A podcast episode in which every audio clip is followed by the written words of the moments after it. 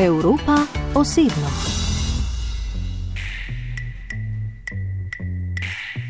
Mi nombre es Ani Milán, de Grachner. Soy de Venezuela y tengo 30 años. Ani Milan Gračner je venezuelka, ki zdaj že dve leti in pol živi v Sloveniji, stara je 30 let, pri nas pa je našla ljubezen svojega življenja. Uh, najdem ljubezen v Sloveniji. Uh, mi vas vas poznala na videoigre na internetu tri leta nazaj. Potem uh, on je šel v Venezuelo in mi vas vam poročila. In jaz sem prišla v Slovenijo, učim se slovenščino in spoznam se nove prijatelje. Spoznala sta se torej prek videoiger, potem je Miha šel na obisk v Venezuelo, Ani tako ali tako ne bi mogla iz države. Šel je na obisk prvič in šel je tja na obisk drugič, se poročiti. Ampak tudi je lažje, ker evro je boljše kot Bolivar. Bolivar je unajin um, denar in za njo je pocen. Vse, hrano, um, hotel, vse stvari je bilo full pocen. Za Ani so bile razmere v domovini seveda zelo drugačne. Jaz sem delala kot zdravnica in moja plača je bilo 6 evrov na mesec. Sem delala urgenca in to je privat, privatni v kliniki. Uh, ker v bolnišnici je bilo manj, 3 evrov na mesec. Jaz sem delala tudi v bolnišnici in, in v kliniki, ker moram imeti uh, več službi, ker eh, sam eno službo ne, ni dovolj za hrano in za, za živeti v, v Venezueli. Za življenje v Venezueli moraš biti kar mojster preživetja in hkrati kreativnega računovodstva. Običajno se težko izide brez pomoči sorodnikov iz tujine. Zdaj tudi sama poskuša po najboljših močeh pomagati domačim s kakim evrom, ker že nekaj evrov lahko res pomeni veliko. Primer na in poroka je bila v Maruma Crown Plaza. To je, mislim, najboljši hotel v Marakaju, to je moje mesto. In mislim, sam poroka je bil 150 evrov. Za 50 ljudi, hrano, pijačo in tudi, da lahko mi vas spala v, v hotel. Miha je torej za daljši čas prišel v Venezuelo še drugič, takrat sta se za njim poročila. 150 evrov za ohcet, 100 evrov za pevca, obleka 100 evrov in tako naprej. Ob čemer je skoraj da v solzah prosila svojega moža, naj se vendarle odločita za cenejše stvari, pa ji je odgovoril, da bo nekoč razumela in da je tako že prav. No, se je razumela, je pa hkrati bolelo, ker je to za trenutne razmere v Venezueli celo bogatstvo. Preden uh, Ani nadaljuje svojo slovensko-venezuelsko zgodbo, menjamo jezik. Odslej Ani govori v angleščini. Naučila sem se jo v ZDA, kjer imam sorodnike. Od petega leta naprej smo vsako leto hodili v ZDA. Z bratranci in sestričnami sem govorila angliško, oni pa z mano špansko. Oni naj bi se naučili špansko, jaz pa angliško. Moj oče je neonatalog in pediatr in je takrat zaslužil okrog 3000 dolarjev. Veliko, lahko smo si privoščili. Vsako leto smo šli v ZDA za mesec, včasih celo tri. No, potem je angliščino izboljšala še z igranjem spletnih iger, kjer je, kot smo že izvedeli, spoznala tudi moža. Vedela je takrat zgolj to, da je iz Evrope. Ani je torej izpred nekaj leti precej dobro situirane družine, govori več jezikov, tri leta je živela celo v Kanadi, v Quebecu. Kdaj se je torej sistem v Venezueli zlomil, da njen oče, priznani doktor, danes zasluži 6 dolarjev na mesec? Da se je sistem začel kolapsati, ko je bilo around 2000. Sistem se je sesul med 2008 in 2010. Takrat je denar postal samo papir. Rekla bi, da so govorili o socializmu, uvajali so pa komunizem po kubanskem vzoru. Študirati sem začela leta 2008, leta 2010 je moral oče prodati hišo, ki smo jo imeli na Floridi. Ne da si je nismo mogli več privoščiti, privoščiti si nismo mogli več niti poti do Floride. Zadnji denar od prodaje je porabil za mojo diplomo, sedem let traja študij medicine v Venezueli. Takrat sem še upala, da bom začela delati in se bodo stvari z dodatno plačo izboljšale. Sicer sem zaslužila toliko kot oče z dvema postdoktoratoma, ampak to nima nobenega smisla. End up end up Oče še vedno dela, čeprav bi moral biti že upokojen. Mama prejema 3 dolarje pokojnine. Ideja, da bi Ani Milan Gračner čim prej odšla iz Venezuele, se torej zdi kar pričakovana. There. Hotela sem ostati v Venezueli in upisati postdoktorski študij, ampak to preprosto ni bilo mogoče. Seveda ne bi mogla upisati nadaljevanja študija, ker to stane. Poleg tega pa je bilo tudi samo delo depresivno.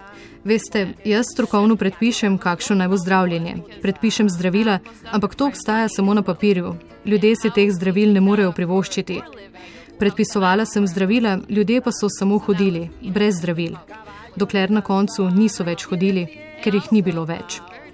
Ali pa so prišli celo umreti v bolnišnico. Nenavadno, da smo celo pred uvedbo Čavezovega socializma imeli brezplačna zdravila. Tako je bilo pred uvedbo novega socializma.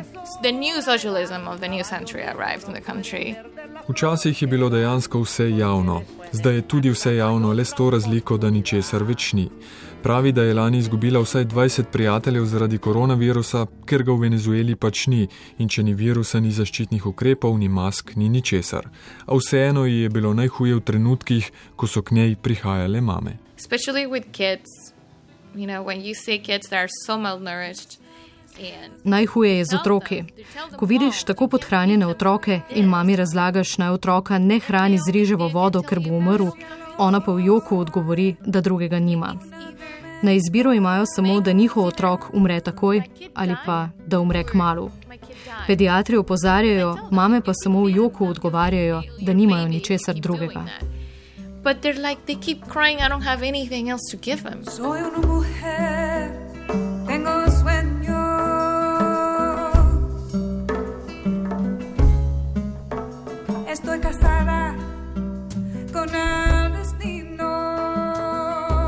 Ko je Hugo Chavez prišel na oblast leta 1999, je začel uvajati novi socializem. Socializem 21. stoletja so mu rekli. Umrl je leta 2013, ko je Ani imela 22 let. Pravi, da ga ne bo nikoli pozabila. Oh, of course, he will never go away. Nikoli ne bo izginil iz mojih misli. Uničil je vse, kar sem imela rada. Uničil je državo, ločil je družine. Večina ljudi, ki je imela možnost oditi, je odšla. Most people that had a chance to leave, they left. Danes je na oblasti v Venezueli Chavezova slabša različica Maduro, dodaja. Zakaj ga torej ljudje volijo, če večina živi v popolni bedi? Well, when you control all the powers in the country, including the election center, Če kontroliraš vse institucije v državi, vključno z volilnim sistemom, potem pač ne moreš izgubiti na volitvah. To niso poštene volitve. V Venezueli je predsednica državne volilne komisije prijateljica Madura, celo javno ga podpira. Ljudje že gredo volit, ljudje gredo protestirati, ampak rezultati so vedno enaki. Mislim, da zadnjih 15 let nismo imeli poštenih volitev. I think probably in 15 or 15 years or so. Rezultat poštenih volitev bi bil predsednik, ne pa diktator. Trenutno sama za predsednika priznava Guaidoja, čeprav bi po njenem mnenju moral biti predsednik nekdo tretji. Ampak ga še nekaj časa ne bo, ker ima po zakonu, ki ga je sprejel že Čavez, predsednik lahko neomejeno število mandatov. Pa vseeno pojdimo nazaj k naši osebni zgodbi. Ani pravi, da je težko odšla iz Venezuele, ravno je namreč dobila potrjeno štipendijo za postdoktorski študij, ki bi trajal tri leta. Po njem bi postala internistka. Ampak je tudi na prigovarjanje staršev zapustila državo. He said, they just said, just go, just, just leave, Rekla sta naj grem, čim prej, naj ne ostanem, da me tam ne čaka nič dobrega. Takrat sem sicer še upala, da pretiravata in da se bo stvar slejko prej izboljšala. Pa se nič ne izboljšuje, še slabša se. Tudi cene se dvigajo, da nimo hrana ni prav veliko cenejša kot v Sloveniji. Tisti, ki kolikor toliko normalno shajajo, dobivajo pomoč iz tujine. The ones that can is because they get help from family from uh, like that are outside. Kot rečeno, z možem tudi ona dva zdaj pošiljata nekaj evrov mesečno njenim staršem, kar pa seveda ni dovolj. Ne na zadnje, niti Ani tu še nima redne službe, še najbolj reden dohodek so spletni prenosi njenega igranja iger prek Twitcha. Dela tudi kot prostovoljka, no njena venezuelska družina pa nekaj denarja dobi tudi od sorodnikov v ZDA. Kljub vsemu včasih nimajo kaj za jesti. Morda en obrok na dan, krompir in jajca, včasih še kak sendvič.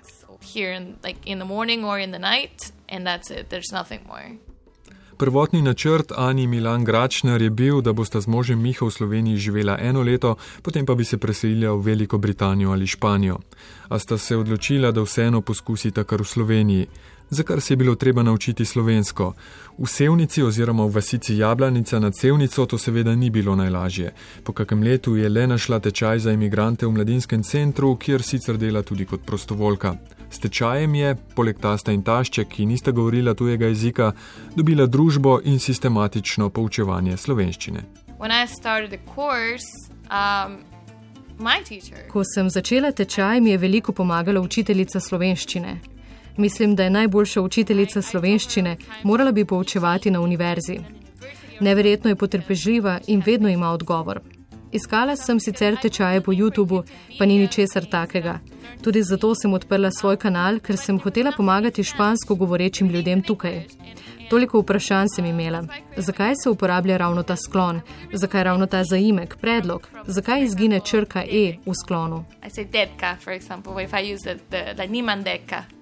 Odgovor tako pač je, pač ni odgovor, ki bi jo zadovoljil. No, zdaj zna že kakomu od venezuelcev iz projekta repatriacije razložiti, zakaj je nekaj tako, kot je. Veliko krat dobi kak SMS, ker so tečaji v angleščini. Pravzaprav danes v Sloveniji pozna že veliko venezuelcev, prva dva je našla na YouTube kanalu Pana Donde Stas, prijatelj, ki je si, na katerem pripravljajo reportaže v tujini živečih venezuelcev. V Ljubljani so tako našli Gabi in Franciska, prvič jo je srečala kakšne pol leta po prihodu v Slovenijo na svoj rojstni dan. Kljub temu, da ji je slovenska kultura všeč, se je od takrat vseeno počutila še bolj doma tukaj. Počuti se sprejeto. Well, yeah, Najprej mislijo, da sem z Filipinov ali pa morda Tajske, očitno zaradi videza. Ko povem, da sem iz Venezuele, jih preseneti, potem začnejo spraševati o moji družini, o državi, ali so vsi podobni meni. Potem pokažem sliko družine, šokira jih moja svetlolasa mama. No, prihajam iz velikega mesta in tam res ni pomembno, kako izgledaš, tvoja vera, barva kože. Seveda so tudi ljudje, ki so pač butasti, ampak taki so povsod po svetu.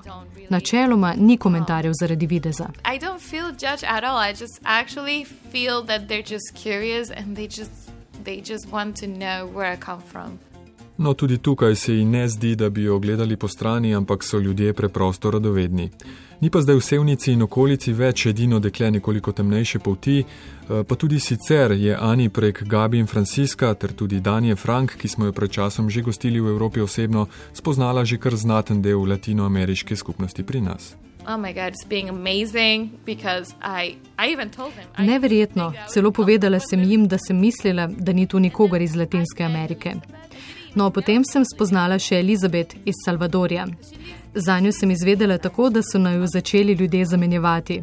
Bili naj bi si podobni, čeprav si nisva. Sva pa bili kar veliko skupaj, saj sem ji poskušala pomagati pri vključevanju v skupnost. In seveda pri jeziku, brez jezika ne gre. Predstavljajte si, da je mož v službi, vi pa doma z njegovimi starši in ne razumete besede slovensko, ona dva pa ne govorita tujega jezika. No, zdaj se tu počutim udobno. Rada imam Slovenijo. Tu je moj drugi dom this is the place where I want to live, have a family. Seveda je težko pustiti vse za sabo, ampak če se privadiš na vreme, se lahko privadiš na vse, doda v smehu. Ani Milan Gračner dela kot prostovoljka v mladinskem klubu, delala je tudi kot prostovoljka v domu upokojencev v Sevnici. Sprva se je nekoliko bala reakcij ljudi, saj le nekoliko izstopa v lokalnem okolju, pa še jezik, ki je takrat delal preglavice. Prvi vprašanje, ki so me vprašali, je, če lahko if they can touch my hair, if it's okay. Taki so bili prvi odzivi stanovalcev, ali se lahko dotaknejo njenih črnih las. Z mnogimi se je spoprijateljila, pogreša jih, ker zaradi virusa že 8 mesecev ne more tja. Kdo ve, morda se nekoč vrne pa ne kot prostovoljka, temveč kot zdravnica, če bi uspelo dobiti tudi ostale dokumente. I don't know at the moment because uh, I will need to Ne vem, ker bi morala nazaj v Venezuelo in tam dobiti še ostale dokumente. Sabo sem vzela le diplomo. Ljudje so presenečeni, ko jim povem, da sem odšla, čeprav sem imela službo. Vedno bom hvaležna svojemu predstojniku, ker mi je pomagal zapustiti državo.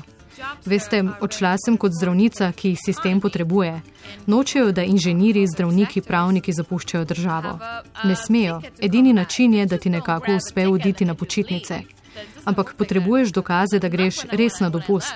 Da nimo naslov hotela, potem preverijo, ali imaš povratno karto. Seveda sem rekla, da pridem nazaj. That I said I was gonna come back. Ko ji kdo pravi, da je Venezuela danes dobra država, se le nasmehne. They can go for one year and try to live there, try to work there. Lahko greste in poskusite živeti v Venezueli po pogojih, po katerih živimo mi. Delate tako kot mi, ste enako plačani, greste v bolnišnico, kjer ni ničesar. In biti poleg vsega zato, ker ti dajo hvaležni. Vedno to govorijo, da moramo biti hvaležni za vse, kar imamo za ston. Brezplačno zdravstvo in šolstvo, vse je brezplačno. Everything that it's, you know, free. Ljudje protestirajo, a brez uspeha. Sama je večkrat kot zdravnica dežurala na protestih in dobila konkretne doze solzivca, celo na zdravnike streljajo s plastičnimi naboji. V enem od takih protestov je izgubila prijatelja, takrat še študenta. Sklepal bi torej, da si želi, da Venezuelo zapustita tudi starša in brat. I, I'm just hoping that I could become a little more stable economically. Želim si, da bi bila ekonomsko malo bolj stabilna. Potem bi našla način, kako jim spet priskrbeti potne liste, da bi lahko spet potovali. Končno bi se lahko spet videli. Jaz domov zdaj ne morem, vsaj dokler imam venezuelsko državljanstvo. Veste, ko sem odšla, so z meje klicali mojega šefa in ga spraševali, ali bom res prišla nazaj. Odšla sem z njegovim vedenjem, za kar mu bom vedno hvaležna. Carinikom mi je po telefonu potrdil, da grem res samo na počitnice. Podpisala sem obrazec za dopust nacionalni gardi na letališču, na carini.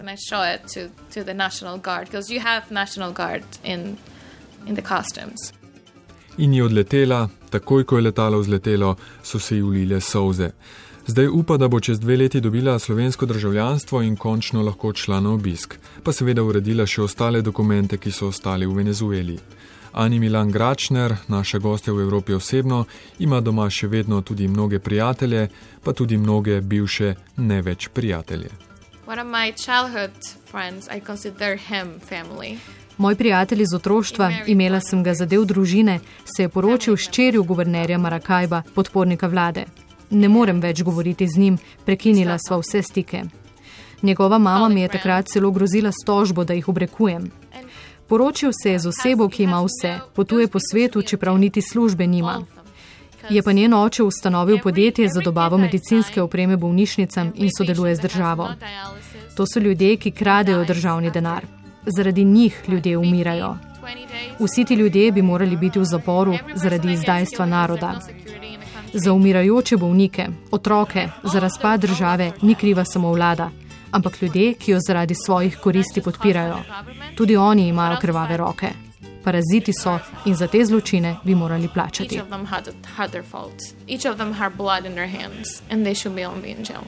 Paying for these crimes. Da, da, da, da, da, da, da, da.